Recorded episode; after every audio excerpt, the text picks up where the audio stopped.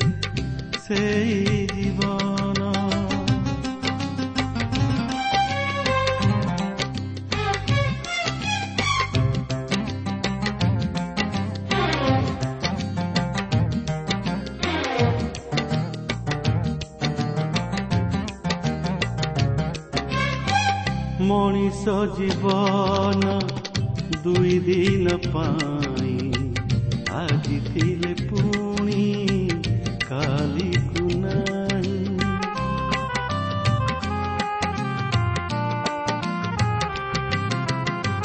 ଆସିଛି ମୁଁ ଏକା ଚାଲିଯିବି ଏକା। କରି ସେ ନାମ ନୀତି ଧ୍ୟାନ ସେଇ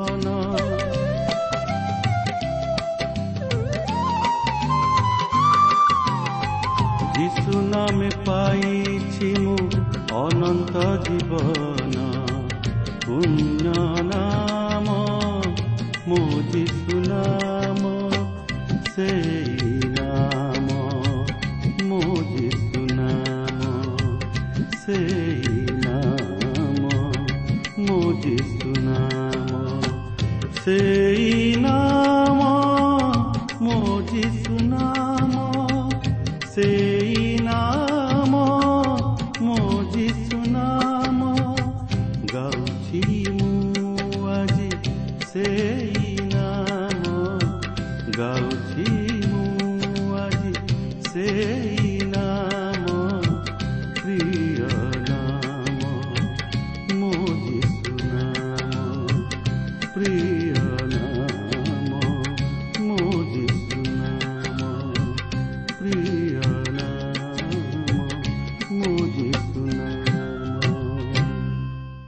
ପ୍ରିୟ ଶ୍ରୋତା ବନ୍ଧୁ ଆଜିର ଏହି ଶୁଭ ଅବସରରେ ଆମର ପଥ ପ୍ରଦର୍ଶିକା ବେତାର ଅନୁଷ୍ଠାନ ତରଫରୁ ଆପଣଙ୍କୁ ହାର୍ଦ୍ଦିକ ପ୍ରୀତି ଶୁଭେଚ୍ଛା ଓ ଅଭିନନ୍ଦନ ଜ୍ଞାପନ କରୁଅଛୁ। ଆପଣଙ୍କର ସହଯୋଗ ତଥା ମତାମତ ନିମନ୍ତେ ବିଶେଷ ଧନ୍ୟବାଦ। ଆପଣ ଏହି କାର୍ଯ୍ୟକ୍ରମର ଜଣେ ନିୟମିତ ଶ୍ରୋତା ଜାଣିବା ବିଶେଷ ଖୁସି। ଆପଣଙ୍କର ପ୍ରାର୍ଥନାର ଅନୁରୋଧ ରକ୍ଷା କରି ଆମେ ଆପଣଙ୍କ ନିମନ୍ତେ ପ୍ରାର୍ଥନା କରୁଅଛୁ। ଆଉ ସେହି ପ୍ରଭୁ ଯୀଶୁ ଆପଣଙ୍କର ସହବର୍ତ୍ତୀ ହୋଇ ସମସ୍ତ ବିଷୟରେ ମଙ୍ଗଳ ପ୍ରଦାନ କରିବେ। ମାତ୍ର ସେ ଚାହାନ୍ତି ଆପଣଙ୍କର ବିଶ୍ୱାସ। ଆପଣ ଯଦି ସେହି ପ୍ରଭୁ ଯୀଶୁଖ୍ରୀଷ୍ଟଙ୍କଠାରେ ବିଶ୍ୱାସ କରନ୍ତି ତାହେଲେ ସେ ଆପଣଙ୍କର ସମସ୍ତ ବିଷୟରେ ସହାୟ ହେବେ। ସେ ଆପଣଙ୍କୁ ସୁରକ୍ଷା କରିବେ ଆଉ ସେ ଆପଣଙ୍କୁ ତାଙ୍କର ସେ ଶାନ୍ତି ଓ ଆନନ୍ଦରେ ପରିପୂର୍ଣ୍ଣ କରିବେ। ଆସନ୍ତୁ ପ୍ରଭୁଙ୍କର ବାକ୍ୟ ମଧ୍ୟକୁ ଯିବା ପୂର୍ବରୁ ସଂକ୍ଷେପରେ ପ୍ରାର୍ଥନା କରିବା। ପ୍ରିୟ ପବିତ୍ର ପ୍ରଭୁ ତୁମର ପବିତ୍ର ନାମର ଧନ୍ୟବାଦ କରୁଅଛୁ। ତୁମର ପ୍ରେମ ପାଇଁ ତୁମର ଅନୁଗ୍ରହ ପାଇଁ। ହଁ ପ୍ରଭୁ ତୁମର ସେ ଅନୁଗ୍ରହରେ ତୁମେ ଆଜି ଆମମାନଙ୍କୁ ଏହି ଜଗତ ମଧ୍ୟରେ ବଞ୍ଚି ରହିବା ପାଇଁ ସୁଯୋଗ ଦେଇଅଛ। କିନ୍ତୁ ପ୍ରଭୁ ଆମମାନେ ପାପି ଅଯୋଗ୍ୟ ମନୁଷ୍ୟ ତୁମେ ଆମମାନଙ୍କର ପାପ ଅଯୋଗ୍ୟତା କ୍ଷମା କର ଆମମାନଙ୍କୁ ପ୍ରଭୁ ତୁମେ ପରିଷ୍କାର କର ଆମମାନଙ୍କୁ ତୁମର ଗ୍ରହଣଯୋଗ୍ୟ କର ପ୍ରଭୁ ତୁମେ ଆମମାନଙ୍କୁ ତୁମରି ଅଧିକାରରେ ନିୟନ୍ତ୍ରଣ କର ଆମମାନଙ୍କ ଜୀବନରେ ପ୍ରଭୁ ତୁମର ଇଚ୍ଛା ଅଭିମତ ତୁମେ ସଫଳ କର ପ୍ରତ୍ୟେକ ଶ୍ରୋତାବନ୍ଧୁମାନଙ୍କୁ ପ୍ରଭୁ ତୁମେ ଆଶୀର୍ବାଦ କର ଯୀଶୁଙ୍କ ନାମରେ ମାଗୁଅଛୁ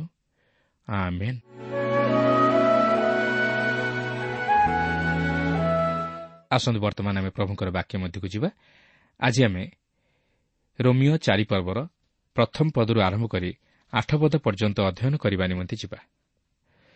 ବର୍ତ୍ତମାନ ଆମେ ଈଶ୍ୱରଙ୍କ ବାକ୍ୟ ମଧ୍ୟକୁ ଯିବା।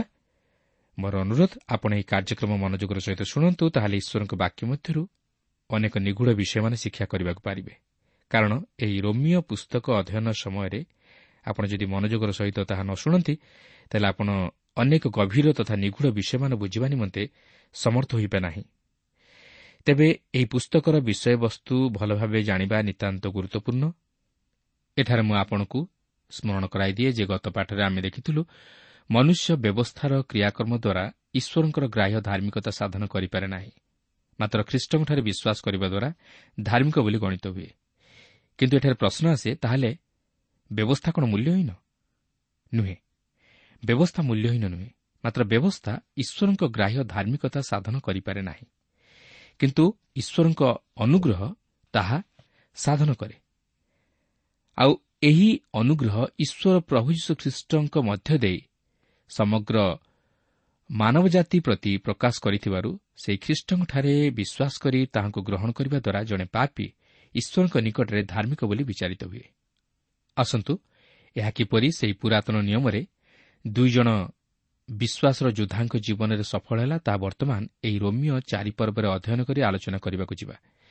କାରଣ ଏହା ବ୍ୟବସ୍ଥା ଓ ବିଶ୍ୱାସ ମଧ୍ୟରେ ଏକ ଭିନ୍ନତା ପ୍ରଦର୍ଶନ କରେ ଓ ମନୁଷ୍ୟ କିପରି ବ୍ୟବସ୍ଥା ଅନୁଯାୟୀ ଧାର୍ମିକ ଗଣିତ ନ ହୋଇ ବିଶ୍ୱାସ ଦ୍ୱାରା ଧାର୍ମିକ ଗଣିତ ହୁଏ ଓ ବ୍ୟବସ୍ଥା ଏଥିରେ କି ପ୍ରକାର ଏକ ସହାୟତାର ହସ୍ତ ବଢ଼ାଏ ତାହା ଲକ୍ଷ୍ୟ କରିବାକୁ ଯିବା।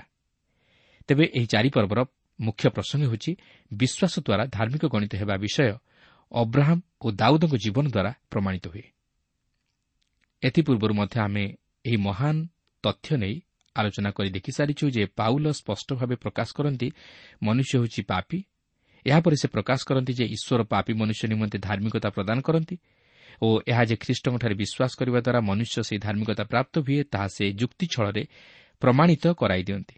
କିନ୍ତୁ ବର୍ତ୍ତମାନ ସେ ପୁରାତନ ନିୟମ ମଧ୍ୟରୁ ଦୁଇ ଜଣ ବ୍ୟକ୍ତିଙ୍କୁ ନେଇ ତାହା ପ୍ରମାଣିତ କରାଇଦେବାକୁ ଚାହାନ୍ତି ଯେ ମନୁଷ୍ୟ ବିଶ୍ୱାସ ଦ୍ୱାରା ଧାର୍ମିକ ଗଣିତ ହୁଏ। ତେବେ ସେ ଅବ୍ରାହମ୍ ଓ ଦାଉଦଙ୍କୁ ଏଠାରେ ଉପସ୍ଥାପିତ କରାଇବାର କାରଣ ହେଉଛି ଯେ ସମ୍ଭବତଃ ଇସ୍ରାଏଲ୍ ଜାତି ମଧ୍ୟରେ ପାଉଲଙ୍କ ସମୟରେ ଏହି ଦୁଇ ଜଣ ବିଶ୍ୱାସର ଯୋଦ୍ଧା ରୂପେ ବିଶେଷ ସମ୍ମାନିତ ହେଉଥିଲେ। ତାଛଡ଼ା ପ୍ରଭୁ ଯୀଶୁଖ୍ରୀଷ୍ଟ ଅବ୍ରାହମ୍ଙ୍କ ଓ ଦାଉଦଙ୍କ ସନ୍ତାନ ବୋଲି ନାମିତ ହୋଇଥିବାରୁ ବୋଧହୁଏ ଏହି ଦୁଇ ଜଣ ନୂତନ ନିୟମରେ ଅତି ମୁଖ୍ୟ ଭୂମିକା ଗ୍ରହଣ କରିଥିଲେ। ଏତଦ୍ବ୍ୟତୀତ ଅବ୍ରାହମ୍ ଏବ୍ରିୟ ଜାତିର ପ୍ରତିଷ୍ଠାତା ଥିଲେ ଓ ଦାଉଦ ସେମାନଙ୍କର ସବୁଠାରୁ ମହାନ ରାଜା ଥିଲେ। ପାଉଲ ଏହି ରୋମିଓ ପୁସ୍ତକର ଚାରିପର୍ବରେ ସେହି ଦୁଇ ଜଣଙ୍କୁ ଦୃଷ୍ଟାନ୍ତ ମାଧ୍ୟମରେ ଉପସ୍ଥାପିତ କରି ରୋମିଓ ତିନି ପର୍ବରେ ପ୍ରକାଶ କରିଥିବା ତାହାଙ୍କର ଉକ୍ତିକୁ ଯୁକ୍ତିଯୁକ୍ତ ବୋଲି ପ୍ରତିପାଦନ କରି ବ୍ୟବସ୍ଥା ଓ ସୁଷମାଚାର ମଧ୍ୟରେ ଯେ ଏକ ଚୁକ୍ତି ସ୍ୱାକ୍ଷରିତ ହୋଇଅଛି ତାହା ସେ ସ୍ପଷ୍ଟ କରାଇଦେବାକୁ ଚାହାନ୍ତି। ଯଦିଓ ସେମାନେ ଦୁଇ ପ୍ରକାରର ବିରୋଧାତ୍ମକ ବିଷୟକୁ ଉପସ୍ଥାପିତ କରନ୍ତି ମାତ୍ର ସେହି ଦୁଇଟି ମଧ୍ୟରେ କୌଣସି ବିବାଦୀୟ ବା ଦ୍ୱନ୍ଦ୍ୱର ବିଷୟ ପରିଲକ୍ଷିତ ହୁଏ ନାହିଁ ଓ ସେହି ଉଭୟକୁ ମଧ୍ୟ କେବେ ହେଲେ ବାଦ୍ ଦିଆଯାଇପାରିବ ନାହିଁ। ଏପରିକି ବ୍ୟବସ୍ଥା ପୂର୍ବରୁ ଓ ବ୍ୟବସ୍ଥା ଅନୁଯାୟୀ ବିଶ୍ୱାସ ଥିଲା ଈଶ୍ୱରଙ୍କର ଏକମାତ୍ର ଆବଶ୍ୟକୀୟ ବିଷୟ। ଅବ୍ରାହମ୍ ବ୍ୟବସ୍ଥା ଦିଆଯିବା ପୂର୍ବରୁ ମଧ୍ୟ ବିଶ୍ୱାସ ଦ୍ୱାରା ଧାର୍ମିକ ଗଣିତ ହୋଇଥିଲେ ଓ ଦାଉଦ ବ୍ୟବସ୍ଥା ଅଧୀନରେ ଥାଇ ମଧ୍ୟ ବିଶ୍ୱାସ ଦ୍ୱାରା ଧାର୍ମିକତା ପ୍ରାପ୍ତ ହେବାର ଗୀତ ଗାଇଥିଲେ। ତେବେ ପାଉଲ ଏଠାରେ ପୁରାତନ ନିୟମର ବ୍ୟବସ୍ଥାକୁ ଉପେକ୍ଷା କରି କୌଣସି ନୂଆ ନିୟମ ପ୍ରଣୟନ କରୁନାହାନ୍ତି। ମାତ୍ର ସେ ଉଭୟଙ୍କୁ ଅର୍ଥାତ୍ ଅବ୍ରାହମ୍ ଓ ଦାଉଦଙ୍କୁ ଗୋଟିଏ ଜୀବନ ତରୀରେ ଉପସ୍ଥାପିତ କରନ୍ତି। ଆଉ ତାହା ହେଉଛି ବିଶ୍ୱାସ ଦ୍ୱାରା ଧାର୍ମିକ ଗଣିତ ହେବା। କାରଣ ଅବ୍ରାହମ୍ ବ୍ୟବସ୍ଥା ବିହୁନେ ବିଶ୍ୱାସ ଦ୍ୱାରା ଧାର୍ମିକ ବୋଲି ଗଣିତ ହେଲେ ଓ ଦାଉଦ ବ୍ୟବସ୍ଥା ପ୍ରାପ୍ତ ହୋଇ ବିଶ୍ୱାସ ଦ୍ୱାରା ଧାର୍ମିକ ଗଣିତ ହେଲେ ତେଣୁ ବ୍ୟବସ୍ଥା ମନୁଷ୍ୟକୁ ଧାର୍ମିକତା ପ୍ରଦାନ କରିପାରେ ନାହିଁ ମାତ୍ର ଏହା ସେହି ଧର୍ମମୟ ପଥରେ କଢ଼ାଇ ନେବାରେ ସହାୟତା କରେ। କିନ୍ତୁ ଈଶ୍ୱରଙ୍କ ଅନୁଗ୍ରହ ଧାର୍ମିକତା ପ୍ରଦାନ କରେ ଆଉ ତାହା ଖ୍ରୀଷ୍ଟଙ୍କଠାରେ ବିଶ୍ୱାସ କରିବା ଦ୍ୱାରା ମନୁଷ୍ୟ ପ୍ରାପ୍ତ ହୋଇଥାଏ। ବ୍ୟବସ୍ଥା ମନୁଷ୍ୟକୁ ଖ୍ରୀଷ୍ଟଙ୍କର ନିକଟବର୍ତ୍ତୀ କରାଏ। ମାତ୍ର ଖ୍ରୀଷ୍ଟଙ୍କଠାରେ ବିଶ୍ୱାସ ଧାର୍ମିକତା ସାଧନ କରେ। ବର୍ତ୍ତମାନ ଆମେ ଏହି ରୋମିଓ ଚାରିପର୍ବର ପ୍ରଥମ ପାଞ୍ଚ ପଦରେ ଦେଖିବାକୁ ଯିବା ଯେ ଅବ୍ରାହମ୍ ବିଶ୍ୱାସ ଦ୍ୱାରା ଧାର୍ମିକ ବୋଲି ଗଣିତ ହେଲେ। ଦେଖନ୍ତୁ ଚାରିପର୍ବର ପ୍ରଥମ ପଦରେ ଲେଖା ଅଛି ତେବେ ଶରୀର ଅନୁସାରେ ଆମମାନଙ୍କର ପିତୃପୁରୁଷ ଅବ୍ରାହମ୍ କ'ଣ ପାଇଅଛନ୍ତି ବୋଲି ଆମମାନେ କହିବା? ଏଠାରେ ଆମେ ଦେଖୁଛୁ ଯେ ପାଉଲ ତିନି ପର୍ବର ବିଷୟବସ୍ତୁକୁ କେନ୍ଦ୍ର କରି ଅର୍ଥାତ୍ ବିଶ୍ୱାସ ଦ୍ୱାରା ଧାର୍ମିକ ଗଣିତ ହେବା ବିଷୟକୁ କେନ୍ଦ୍ର କରି ଏକ ପ୍ରଶ୍ନ କରନ୍ତି ଆଉ ସେହି ପ୍ରଶ୍ନ ଆମମାନଙ୍କର ପିତୃପୁରୁଷ ଅବ୍ରାହମ୍କୁ କେନ୍ଦ୍ର କରି। ସେ ପ୍ରଶ୍ନ କରନ୍ତି ତେବେ ଶରୀର ଅନୁସାରେ ଆମମାନଙ୍କ ପିତୃପୁରୁଷ ଅବ୍ରାହମ୍ କ'ଣ ପାଇଅଛନ୍ତି ବୋଲି ଆମମାନେ କହିବା? ଏଠାରେ ସେ ପ୍ରଶ୍ନ କରନ୍ତି ଅବ୍ରାହମ୍ ଶରୀର ଅନୁଯାୟୀ ନିଜର ଉଦ୍ୟମରେ ବା ଚେଷ୍ଟାରେ କ'ଣ ପାଇଅଛନ୍ତି? ସେ କିଛି ଉତ୍ତମ ବିଷୟ ସାଧନ କରିପାରି ନାହାନ୍ତି ଯାହାଦ୍ୱାରା କି ସେ ଗର୍ବ କରିପାରିବେ। ମାତ୍ର ସେ ଲଜ୍ଜିତ ହେଲେ ଓ ସନ୍ଦେହରେ ପଡ଼ିଲେ। ତାହା ଥିଲା ଅବ୍ରାହମ୍ଙ୍କର କାର୍ଯ୍ୟ। ସେ ଈଶ୍ୱରଙ୍କଠାରେ ବିଶ୍ୱାସ କରିପାରିଲେ ନାହିଁ। ମାତ୍ର ମିଶ୍ର ଦେଶକୁ ପଳାଇଗଲେ ସେହି ଦୁର୍ଭିକ୍ଷ ସମୟରେ। କେବଳ ସେତିକି ନୁହେଁ ସେ ସେହି ମିଶରିଆ ଦାସୀ ହାଗାରକୁ ବିବାହ କଲେ ଓ ସେହି ହାଗାରଙ୍କ ଗର୍ଭରୁ ଯେଉଁ ପୁତ୍ର ଜାତ ହେଲା ସେ ତାହାଙ୍କ ନିମନ୍ତେ ସମସ୍ୟା ସ୍ୱରୂପ ହେଲା। ପ୍ରକୃତିରେ ଶରୀର ଅନୁସାରେ ଦେଖିବାକୁ ଗଲେ ଅବ୍ରାହମ୍ ଯେଉଁପରି କାର୍ଯ୍ୟ କଲେ ତାହା ତାହାଙ୍କର ଦୁର୍ବଳତାକୁ ଉପସ୍ଥାପିତ କଲା ଓ ତାହାଙ୍କ ଗର୍ବ କରିବାର କାରଣ ମଧ୍ୟ କିଛି ନଥିଲା। ଚାରିପର୍ବର ଦୁଇ ପଦରେ ଲେଖା ଅଛି କାରଣ ଅବ୍ରାହମ୍ ଯଦି କ୍ରିୟାକର୍ମ ଦ୍ୱାରା ଧାର୍ମିକ ଗଣିତ ହେଲେ ତେବେ ତାହାଙ୍କ ଗର୍ବର କାରଣ ଅଛି କିନ୍ତୁ ଈଶ୍ୱରଙ୍କ ନିକଟରେ ନୁହେଁ। ଅନ୍ୟ ଅର୍ଥରେ କହିବାକୁ ଗଲେ ପାଉଲ ଏଠାରେ କହିବାକୁ ଚାହାନ୍ତି ଯେ ଅବ୍ରାହମ୍ଙ୍କର ସେପରି କୌଣସି କାର୍ଯ୍ୟ ନଥିଲା ଯେଉଁଥିପାଇଁ ସେ ଈଶ୍ୱରଙ୍କ ନିକଟରେ ଗର୍ବ କରିଥାନ୍ତେ। ଯଦିବା ସେ କ୍ରିୟାକର୍ମ ଦ୍ୱାରା ଧାର୍ମିକ ଗଣିତ ହୋଇଥାନ୍ତି ତାହେଲେ ତାହା ତାହାଙ୍କ ନିଜ ନିମନ୍ତେ ଓ ମନୁଷ୍ୟମାନଙ୍କ ନିକଟରେ କିନ୍ତୁ ଈଶ୍ୱରଙ୍କ ନିକଟରେ ନୁହେଁ। ହଁ ଅବ୍ରାହମ୍ଙ୍କର ଅନେକ ଉତ୍ତମ କାର୍ଯ୍ୟ ଥିଲା ଯାହାକି ଈଶ୍ୱରଙ୍କ ଦ୍ୱାରା ମଧ୍ୟ ଗଣିତ ହୋଇଥିଲା। କିନ୍ତୁ ଏକ ଆଶ୍ଚର୍ଯ୍ୟର ବିଷୟ ହେଉଛି ଯେ ତାହାଙ୍କର ସେହି ସମସ୍ତ ଉତ୍ତମ କାର୍ଯ୍ୟ ପରିତ୍ରାଣ ଭିତ୍ତିକ ନଥିଲା। ମାତ୍ର ତାହାଙ୍କର ପରିତ୍ରାଣର ଫଳସ୍ୱରୂପ ଥିଲା। ଓ ବିଶ୍ୱାସ ଦ୍ୱାରା ଧାର୍ମିକ ଗଣିତ ହେବାର ଫଳସ୍ୱରୂପ ଥିଲା। ଆପଣ ଦେଖନ୍ତୁ ଜାକୁବ ଓ ପାଉଲ ଉଭୟ ଉଭୟଙ୍କ ମଧ୍ୟରେ କୌଣସି ଦ୍ୱନ୍ଦ୍ୱମୂଳକ ବିରୋଧାଭାସ ପ୍ରକାଶ କରନ୍ତି ନାହିଁ। ଯେତେବେଳେ ଜାକୁବ ତାଙ୍କ ପତ୍ରର ଦୁଇ ପର୍ବର ଏକୋଇଶ ପଦରେ କହନ୍ତି ଆମମାନଙ୍କ ପିତା ଅବ୍ରାହମ୍ ବେଦୀ ଉପରେ ଆପଣା ପୁତ୍ର ଜିସାହାକଙ୍କୁ ଉତ୍ସର୍ଗ କରିବା ବେଳେ କ'ଣ କର୍ମ ଦ୍ୱାରା ଧାର୍ମିକ ଗଣିତ ହୋଇନଥିଲେ? ଏଠାରେ ଜାକୁବ ଯେଉଁ କର୍ମ ବିଷୟରେ ପ୍ରକାଶ କରନ୍ତି ଏହା ବ୍ୟବସ୍ଥା ଅନୁଯାୟୀ ଶାରୀରିକ କର୍ମ ନୁହେଁ କାରଣ ଅବ୍ରାହମ୍ ବ୍ୟବସ୍ଥାର ଅଧୀନରେ ସେତେବେଳେ ନଥିଲେ। କିନ୍ତୁ ତାହା ଥିଲା ବିଶ୍ୱାସର କାର୍ଯ୍ୟ। ଅବ୍ରାହମ୍ ଈଶ୍ୱରଙ୍କଠାରେ ବିଶ୍ୱାସ କଲେ ଓ ସେ ଇସାହାକକୁ ବଳି ରୂପେ ଉଚ୍ଚର କରିବାକୁ ଆଗେଇ ଗଲେ। କିନ୍ତୁ ସେ କ'ଣ ପ୍ରକୃତରେ ଇସାହାକଙ୍କୁ ବଳି ରୂପେ ଉଚ୍ଚର କଲେ? ନୁହେଁ। ଈଶ୍ୱର ସେପରି କରିବା ନିମନ୍ତେ ଅବ୍ରାହମ୍ଙ୍କୁ ଅନୁମତି ଦେଲେ ନାହିଁ। କାହିଁକି ଜାଣନ୍ତି? ତାହା ଭୁଲ ଥିଲା। ଆପଣ ଦେଖନ୍ତୁ ପାଉଲ ଓ ଜାକୁବ ସେହି ଗୋଟିଏ କଥା କହନ୍ତି। ଅବ୍ରାହମ୍ ଈଶ୍ୱରଙ୍କଠାରେ ବିଶ୍ୱାସ କଲେ ଆଉ ତାହା ତାହାଙ୍କ ପକ୍ଷରେ ଧାର୍ମିକତା ବୋଲି ଗଣିତ ହେଲା। ଆପଣ ଏହି ଉକ୍ତିଟି ଆଦି ପୁସ୍ତକ ପନ୍ଦର ପର୍ବର ଛଅ ପଦ ଜାକୁବ ଦୁଇ ପର୍ବର ତେଇଶ ପଦ ଓ ରୋମିଓ ଚାରି ପର୍ବର ତିନି ପଦରେ ଲକ୍ଷ୍ୟ କରିବାକୁ ପାରିବେ। କିନ୍ତୁ ଜାକୁବ ଅବ୍ରାହମ୍ଙ୍କର ସେହି ସମୟକୁ ଚାଲିଯାଆନ୍ତି ଯେଉଁ ସମୟରେ ସେ ତାହାଙ୍କ ପୁତ୍ର ଇସାହାକକୁ ବଳି ରୂପେ ଉତ୍ସର କଲେ। ତେବେ ଅବ୍ରାହମ୍ ସେହି ସ୍ଥାନରେ ଛିଡ଼ା ହେଲେ। ଯେଉଁ ସ୍ଥାନରେ କି ପାପୀ ମନୁଷ୍ୟ ଛିଡ଼ା ହୋଇ ନିଜର ଧର୍ମକର୍ମ ଦ୍ୱାରା ଈଶ୍ୱରଙ୍କ ଦୃଷ୍ଟିରେ ଧାର୍ମିକ ଗଣିତ ହେବାକୁ ଚାହେଁ। କିନ୍ତୁ ସେ କେବେ ହେଲେ ଈଶ୍ୱରଙ୍କ ସମ୍ମୁଖରେ ନିଜର ଧର୍ମକର୍ମ ନେଇ ଗର୍ବ କରିପାରିବ ନାହିଁ। ଯେହେତୁ ଈଶ୍ୱର ତାହା ମନୁଷ୍ୟଠାରୁ ଗ୍ରହଣ କରନ୍ତି ନାହିଁ କାରଣ ମନୁଷ୍ୟର କ୍ରିୟାକର୍ମ ଈଶ୍ୱରଙ୍କ ପବିତ୍ରତା ସମ୍ମୁଖରେ ଛିଡ଼ା ହୋଇପାରିବ ନାହିଁ। ଏବଂ ପ୍ରକୃତରେ ଦେଖିବାକୁ ଗଲେ ଅବ୍ରାହମଙ୍କର କାର୍ଯ୍ୟ ଅତି ସାମାନ୍ୟ ବୋଲି ଗଣିତ ହୋଇଥିଲା। ଚାରିପର୍ବର ତିନି ପଦରେ ଲେଖା ଅଛି କାରଣ ଶାସ୍ତ୍ର କ'ଣ କୁହେ? ଅବ୍ରାହମ ଈଶ୍ୱରଙ୍କଠାରେ ବିଶ୍ୱାସ କଲେ। ଆଉ ତାଙ୍କ ପକ୍ଷରେ ତାହା ଧାର୍ମିକତା ବୋଲି ଗଣିତ ହେଲା। ପାଉଲ ଏଠାରେ ଧର୍ମଶାସ୍ତ୍ରକୁ ମୁଖ୍ୟ ସ୍ଥାନ ଦିଅନ୍ତି। ସେଠାରେ ପ୍ରକାଶ କରିଦିଅନ୍ତି ଯେ ଧର୍ମଶାସ୍ତ୍ର ଈଶ୍ୱରଙ୍କର ମୁଖ ନିଃସୃତ ବାକ୍ୟ।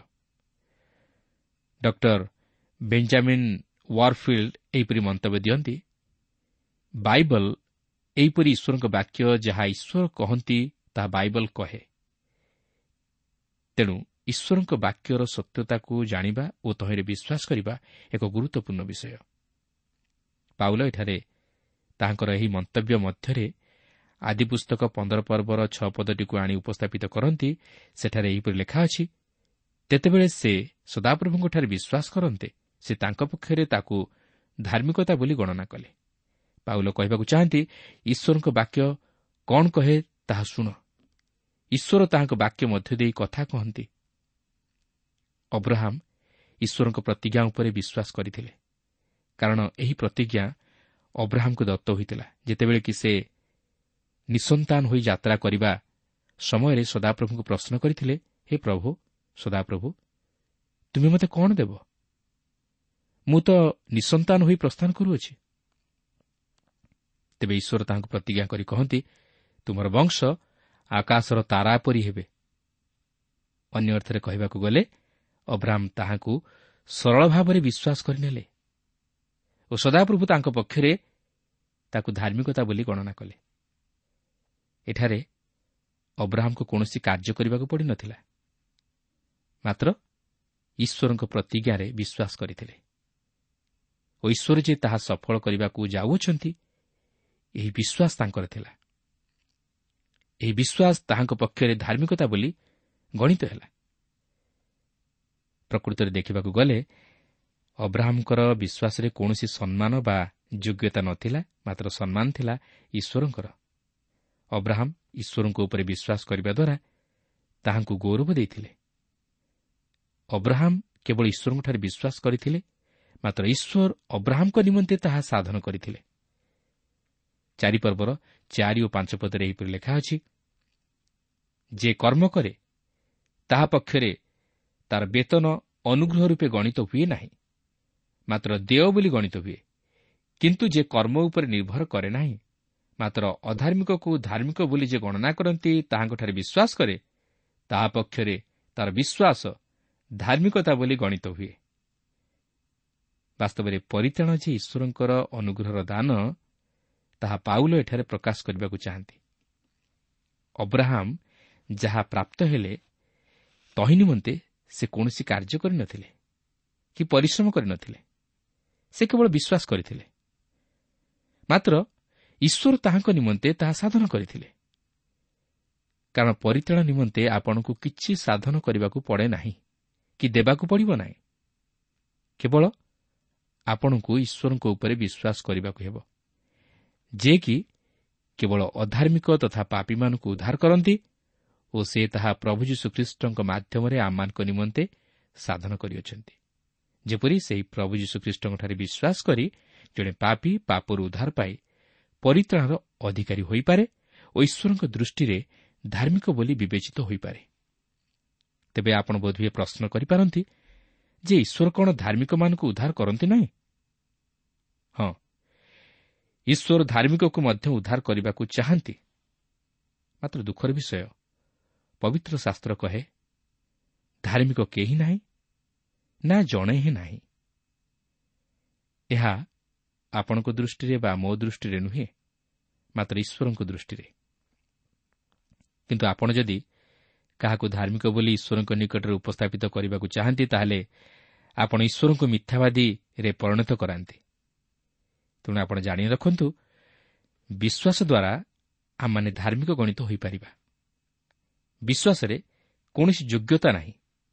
ମାତ୍ର ଈଶ୍ୱରଙ୍କ ଅନୁଗ୍ରହର ଅଧିକାରୀ ହେବା ନିମନ୍ତେ ଏହା କେବଳ ଏକମାତ୍ର ଉପାୟ। ବିଶ୍ୱାସ ଈଶ୍ୱରଙ୍କୁ ଗୌରବ ଦିଏ ଓ ମନୁଷ୍ୟ ନିମନ୍ତେ ଧାର୍ମିକତା ସାଧନ କରେ। ତେଣୁ ନିଜର ଧର୍ମକର୍ମ ନେଇ ଈଶ୍ୱରଙ୍କ ନିକଟରେ ଧାର୍ମିକ ବୋଲି ବିଚାରିତ ହେବାକୁ ବା ପରିତ୍ରାଣର ଅଧିକାରୀ ହେବାକୁ ଚାହାନ୍ତୁ ନାହିଁ ମାତ୍ର ଖ୍ରୀଷ୍ଟଙ୍କଠାରେ ବିଶ୍ୱାସ କରି ଓ ତାହାଙ୍କୁ ଗ୍ରହଣ କରି ପରିତ୍ରାଣର ଅଧିକାରୀ ହୋଇ ଈଶ୍ୱରଙ୍କ ନିକଟରେ ଧାର୍ମିକ ବୋଲି ବିବେଚିତ ହେବାକୁ ଚେଷ୍ଟା କରନ୍ତୁ କାରଣ ପରିତ୍ରାଣ ଈଶ୍ୱରଙ୍କର ଅନୁଗ୍ରହର ଦାନ। ଏହାପରେ ଚାରିପର୍ବର ଛଅ ପଦରୁ ଆଠ ପଦ ମଧ୍ୟରେ ଏହିପରି ଲେଖା ଅଛି ଏହି ପ୍ରକାରେ ଯେଉଁ ଲୋକ ପକ୍ଷରେ ଈଶ୍ୱର କ୍ରିୟାକର୍ମ ବ୍ୟତୀତ ଧାର୍ମିକତା ଗଣନା କରନ୍ତି ଦାଉଦ ମଧ୍ୟ ତାକୁ ଧନ୍ୟ ବୋଲି କହନ୍ତି ଯଥା ଯେଉଁମାନଙ୍କର ଅପରାଧ ସବୁ କ୍ଷମା ହୋଇଅଛି ଆଉ ଯେଉଁମାନଙ୍କର ପାପ ସବୁ ଆଚ୍ଛାଦିତ ହୋଇଅଛି ସେମାନେ ଧନ୍ୟ। ପ୍ରଭୁ ଯେଉଁ ଲୋକର ପାପ ଗଣନା କରିବେ ନାହିଁ ସେ ଧନ୍ୟ। ଏଠାରେ ପାଉଲ ଦାଉଦଙ୍କ ବିଷୟ ନେଇ ମଧ୍ୟ ଉଲ୍ଲେଖ କରନ୍ତି ଯେ କି ବ୍ୟବସ୍ଥାର ଅଧୀନରେ ଥିଲେ। କିନ୍ତୁ ଅବ୍ରାହମ୍ ବ୍ୟବସ୍ଥାର ଅଧୀନରେ ନଥିଲେ ଯେହେତୁ ଅବ୍ରାହମ୍ଙ୍କ ସମୟରେ ବ୍ୟବସ୍ଥା ପ୍ରଦତ୍ତ ହୋଇନଥିଲା। ମାତ୍ର ଦାଉଦଙ୍କ ସମୟରେ ବ୍ୟବସ୍ଥା ପ୍ରଦତ୍ତ ହୋଇଥିଲା। ତେବେ ସେ ଯାହା ହେଉନା କାହିଁକି ଯଦିଓ ଦାଉଦ ବ୍ୟବସ୍ଥାର ଅଧୀନରେ ଥିଲେ ମାତ୍ର ସେ ବ୍ୟବସ୍ଥା ଅନୁଯାୟୀ ଉଦ୍ଧାର ପାଇପାରିଲେ ନାହିଁ। ତେଣୁକରି ଯେଉଁମାନେ ନିଜର କ୍ରିୟାକର୍ମରେ ଧାର୍ମିକ ଗଣିତ ନ ହୋଇ ଈଶ୍ୱରଙ୍କଠାରେ ବିଶ୍ୱାସ କରିବା ଦ୍ୱାରା ଧାର୍ମିକ ବୋଲି ଗଣିତ ହୁଅନ୍ତି ସେମାନେ ଧନ୍ୟ ବୋଲି ଦାଉଦ ପ୍ରକାଶ କରନ୍ତି। କାରଣ ଦାଉଦଙ୍କର ସେପରି କୌଣସି ଉତ୍ତମ କାର୍ଯ୍ୟ ନଥିଲା ଯାହାଦ୍ୱାରା କି ସେ ଈଶ୍ୱରଙ୍କର ଧାର୍ମିକତା ସାଧନ କରିପାରିଥିଲେ। ତାହାଙ୍କର ଯେଉଁ କାର୍ଯ୍ୟ ଥିଲା ତାହା ମନ୍ଦ। ତେଣୁକରି ଧାର୍ମିକତା ସମ୍ପୂର୍ଣ୍ଣ ଭାବେ କାର୍ଯ୍ୟଠାରୁ ଭିନ୍ନ ଓ ଅଲଗା ହେବା ଉଚିତ। ଧାର୍ମିକତା ଏକ ସ୍ୱତନ୍ତ୍ର ଧାରାରେ ସାଧିତ ହେବା ଉଚିତ କାରଣ ମନୁଷ୍ୟ ନିଜର କ୍ରିୟାକର୍ମ ଦ୍ୱାରା ଧାର୍ମିକ ଗଣିତ ହୋଇପାରିବ ନାହିଁ। ମାତ୍ର ସେହି ଈଶ୍ୱରଙ୍କଠାରେ ବିଶ୍ୱାସ କରିବା ଦ୍ୱାରା ଜଣେ ଧାର୍ମିକ ଗଣିତ ହୋଇପାରିବ। କାରଣ ଦାଉଦ ତାହାଙ୍କ ଜୀବନର ଅନୁଭୂତି ମଧ୍ୟ ଦେଇ ଯାହା ଅନୁଭବ କରିଥିଲେ ତାହା ପାଉଲ ଏଠାରେ ସେହି ଗୀତ ସଂହିତା ବତିଶ ପର୍ବର ପ୍ରଥମ ଦୁଇ ପଦ ମଧ୍ୟ ଦେଇ ଉପସ୍ଥାପିତ କରିଅଛନ୍ତି। ଦାଉଦ ସେହି ଈଶ୍ୱରଙ୍କଠାରେ ବିଶ୍ୱାସ କରି ନିଜର ପାପ ସବୁ ସ୍ୱୀକାର କରି ପାପରୁ ଉଦ୍ଧାର ପାଇ ସେହି ପରିତାଣର ଅଧିକାରୀ ହେବା ସଙ୍ଗେ ସଙ୍ଗେ ଈଶ୍ୱରଙ୍କ ନିକଟରେ ଧାର୍ମିକ ବୋଲି ଗଣିତ ହୋଇଥିଲେ। ତେଣୁକରି ଦାଉଦ ତାହାଙ୍କର ଅନୁଭୂତି ମଧ୍ୟ ଦେଇ ଏହିପରି କହନ୍ତି ଯେଉଁମାନଙ୍କର ଅପରାଧ ସବୁ କ୍ଷମା ହୋଇଅଛି ଆଉ ଯେଉଁମାନଙ୍କର ପାପ ସବୁ ଆଚ୍ଛାଦିତ ହୋଇଅଛି ସେମାନେ ଧନ୍ୟ। ପ୍ରଭୁ ଯେଉଁ ଲୋକର ପାପ ଗଣନା କରିବେ ନାହିଁ ସେ ଧନ୍ୟ। ପ୍ରିୟ ବନ୍ଧୁ ଆଜି କ'ଣ ଆମମାନଙ୍କର ସେହି ଅନୁଭୂତି ଅଛି କି? ଦାଉଦ ତାଙ୍କ ଜୀବନରେ ଈଶ୍ୱରଙ୍କର ବ୍ୟବସ୍ଥା ଲଙ୍ଘନ କରି ପାପ କରିଥିଲେ। ସେ ଅଧର୍ମ କରିଥିଲେ ମାତ୍ର ସେ ତାହା ସ୍ୱୀକାର କରି ଛାଡ଼ିଥିଲେ ବୋଲି ସେ କ୍ଷମା ପାଇଲେ ଓ ଈଶ୍ୱରଙ୍କ ଅନୁଗ୍ରହର ଅଧିକାରୀ ହେଲେ। ପ୍ରିୟ ବନ୍ଧୁ ଯେପର୍ଯ୍ୟନ୍ତ ଆମେ ନିଜର ପାପ ନିମନ୍ତେ ଅନୁତପ୍ତ ନୁହଁ ଓ ତହି ନିମନ୍ତେ ପ୍ରଭୁ ଯୀଶୁଙ୍କ ନିକଟରେ କ୍ଷମା ମାଗିନାହୁଁ ସେ ପର୍ଯ୍ୟନ୍ତ ଆମେ ପାପରୁ ଉଦ୍ଧାର ପାଇପାରିବା ନାହିଁ କି ପରିତାଣର ଅଧିକାରୀ ହୋଇପାରିବା ନାହିଁ। ଈଶ୍ୱରଙ୍କ ନିକଟରେ ଧାର୍ମିକ ବୋଲି ବିବେଚିତ ହୋଇପାରିବା ନାହିଁ। ଦାଉଦ ଯଦିଓ ବ୍ୟବସ୍ଥା ଅନୁଯାୟୀ ଧର୍ମକର୍ମ ସାଧନ କରିବାକୁ ଚେଷ୍ଟା କରିଥିଲେ ମାତ୍ର ସେ ପାରିନଥିଲେ। ସେହି ବ୍ୟବସ୍ଥା ତାହାଙ୍କ ଜୀବନର ଦୋଷ ଦୁର୍ବଳତା ଓ ତାହାଙ୍କର ଅଯୋଗ୍ୟତାକୁ ଦେଖାଇ ଦେଇଥିଲା। ଫଳରେ ସେ ତହି ନିମନ୍ତେ ଅନୁତାପ କରି ଈଶ୍ୱରଙ୍କ ନିକଟରେ ତାହା ସ୍ୱୀକାର କରିବାରୁ ଉଦ୍ଧାର ପାଇଲେ ଓ ଈଶ୍ୱରଙ୍କ ଦୃଷ୍ଟିରେ ଧାର୍ମିକ ବୋଲି ବିବେଚିତ ହେଲେ। କିନ୍ତୁ ଆଜି ଆମମାନେ ସେହି ବ୍ୟବସ୍ଥା ଅଧୀନରେ ନାହୁଁ ମାତ୍ର ଖ୍ରୀଷ୍ଟଙ୍କ ଅଧୀନରେ ଅଛୁ। ମାତ୍ର ଈଶ୍ୱର ଚାହାନ୍ତି ଯେପରି ଆମେ ସେହି ବ୍ୟବସ୍ଥା ଅନୁଯାୟୀ ନିଜର ଜୀବନକୁ ସମୀକ୍ଷା କରି ନିଜର ପାପ ନିମନ୍ତେ ଅନୁତାପ କରି ଓ ଖ୍ରୀଷ୍ଟଙ୍କଠାରେ ତାହା ସ୍ୱୀକାର କରି ଓ ଖ୍ରୀଷ୍ଟଙ୍କୁ ବିଶ୍ୱାସର ସହିତ ଗ୍ରହଣ କରି ସେହି ପରିଧାନର ଅଧିକାରୀ ହେବା ସଙ୍ଗେ ସଙ୍ଗେ ଈଶ୍ୱରଙ୍କ ନିକଟରେ ଧାର୍ମିକ ବୋଲି ବିବେଚିତ ହେଉ। କିନ୍ତୁ ଆମେ ଯଦି ନିଜର ଧର୍ମକର୍ମ ଉପରେ ନିର୍ଭର କରି ଧାର୍ମିକତା ସାଧନ କରିବା ପାଇଁ ଚାହୁଁ ତାହେଲେ ଆମେ ବିଫଳ ହେବା। କାରଣ ଏହା ଈଶ୍ୱରଙ୍କର ସଂକଳ୍ପ ନୁହେଁ। ଈଶ୍ୱରଙ୍କର ସଂକଳ୍ପ ଯେପରି ଆମେ ଖ୍ରୀଷ୍ଟଙ୍କଠାରେ ବିଶ୍ୱାସ ଦ୍ୱାରା ତାହା ପ୍ରାପ୍ତ ହେବାକୁ ପାରୁ ଓ ଧାର୍ମିକ ବୋଲି ବିବେଚିତ ହେଉ। ପ୍ରଭୁ ପ୍ରତ୍ୟେକଙ୍କୁ ଏହି ସଂକ୍ଷିପ୍ତ ଆଲୋଚନା ମଧ୍ୟ ଦେଇ ଆଶୀର୍ବାଦ କରନ୍ତୁ।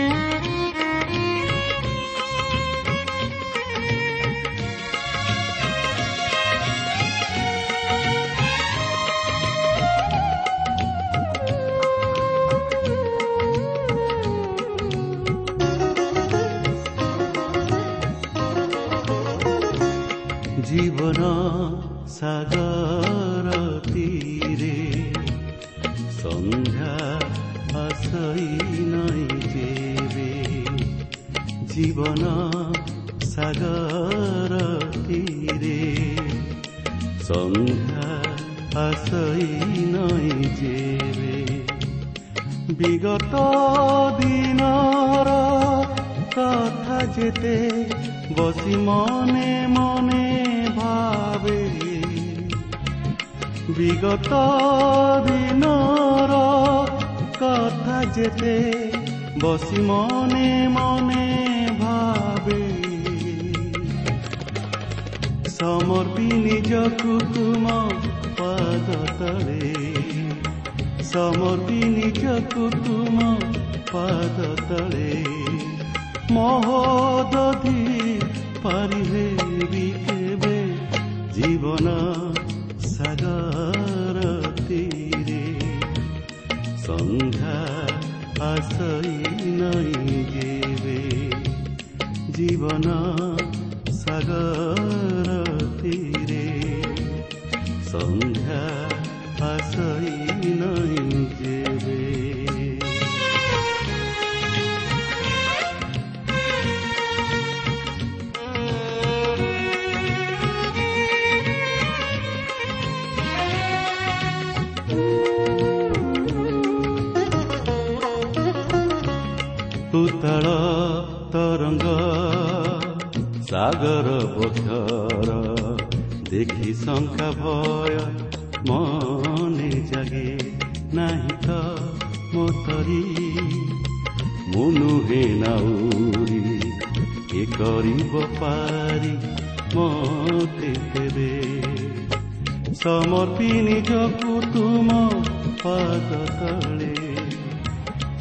ଅର୍ପି ନିଜକୁ ତୁମ ପାଦ ତଳେ ମହୋଦଧି ପାରିବି ତେବେ ଜୀବନ ସାଗର ତୀରେ ସନ୍ଧ୍ୟା ଆସଇ ନାହିଁ ଯେବେ ଜୀବନ ସାଗର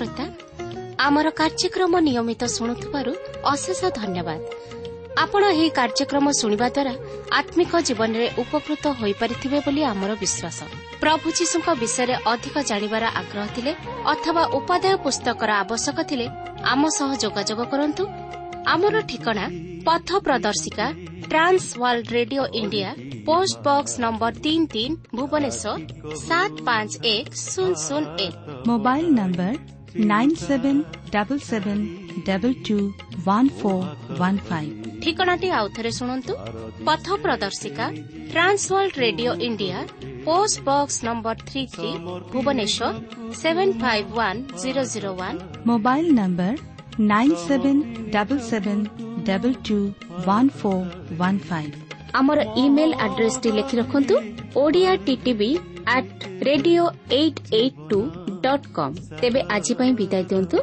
নমস্কাৰ